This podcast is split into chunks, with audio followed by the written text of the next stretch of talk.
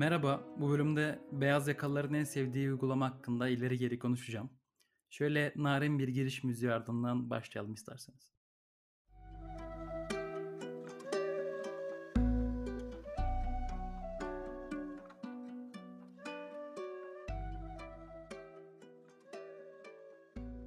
Bilmeyenler için kısaca özet geçeyim. Umarım viral alırım buradan ama. Clubhouse davet linki alarak katılabildiğiniz, istediğiniz bir konu hakkında veya konu olmadan oda açıp el kaldıranları konuşmacı olarak alabildiğiniz sesli bir forum gibi. Henüz Android için çıkmadı sanıyorum. Umarım çıkmaz. Çıkarsa da Android'lerinki farklı olsun şekerim buranın havası bozulmasın. Diyen iPhone'lu ablalar içeride dolup taşıyor. ICQ'ları, MSN'leri, MyNet, Çanak OK'den evlenenleri, Twitter'ı, Instagram'ı, sözlükleri, Vine'ı, TikTok'u, Scorp'u geride bırakan canım neslimiz son olarak bunu da görmüş oldu. Ben nasıl bu freak show'a dahil oldum hemen anlatayım. Clubhouse'a kalabalık bir WhatsApp grubundaki tanımadığım birinden invite isteyerek dahil oldum.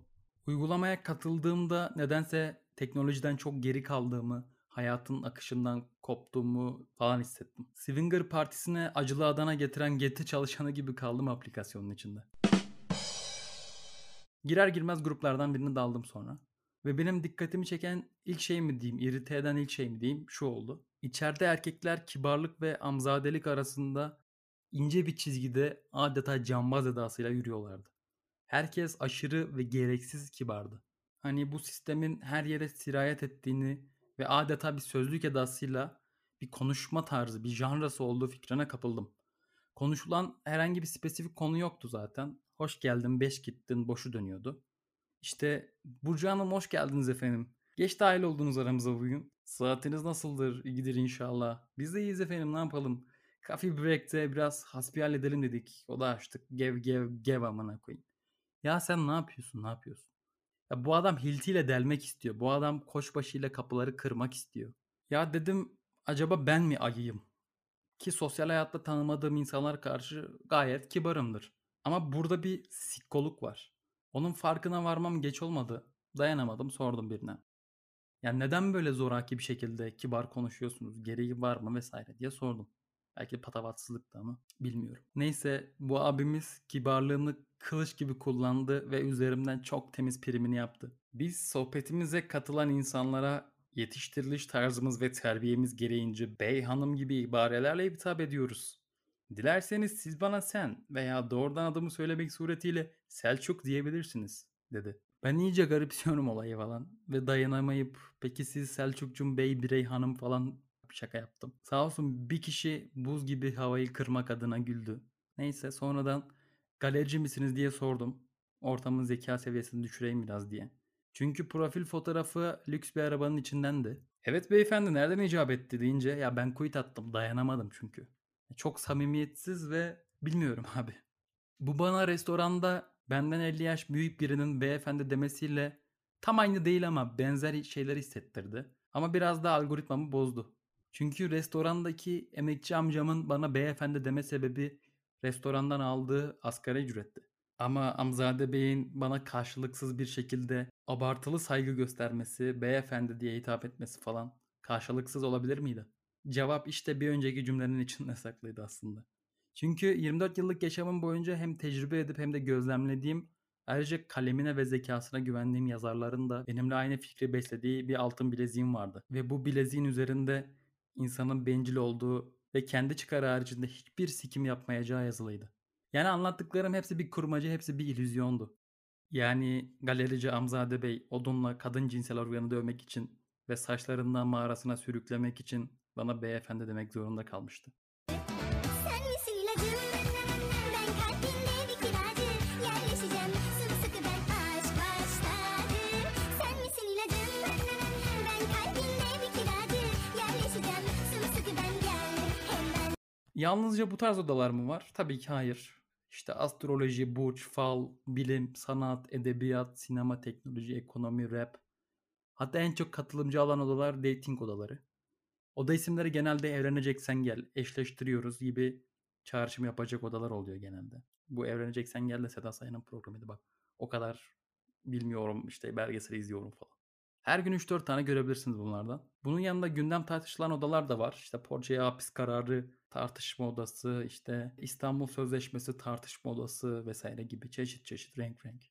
Bunun yanında benim zaman geçirdiğim, kaçırmamaya çalıştığım felsefe ve edebiyat konuşulan odalar hoşuma gidiyor. E, Dinlemeyi, öğrenmeyi seven tatlış profların katıldığı programlar hoşuma gidiyor.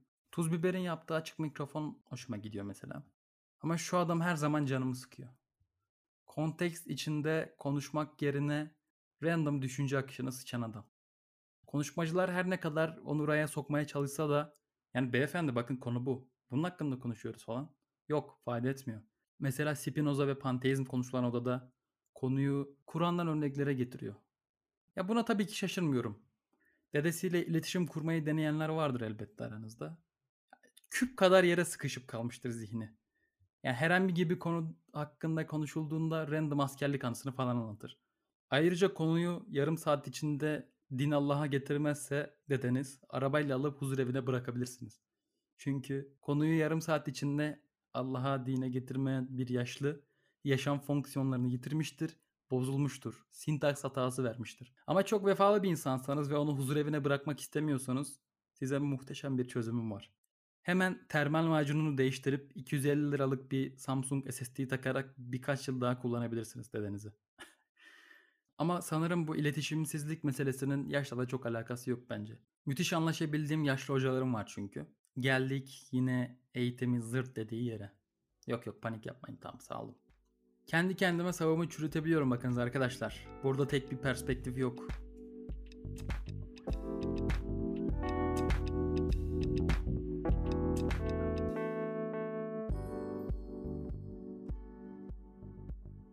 Pandemiden dolayı tabii ki insanlar sıkıldı etti. İnsanoğlu sosyal bir hayvan okey.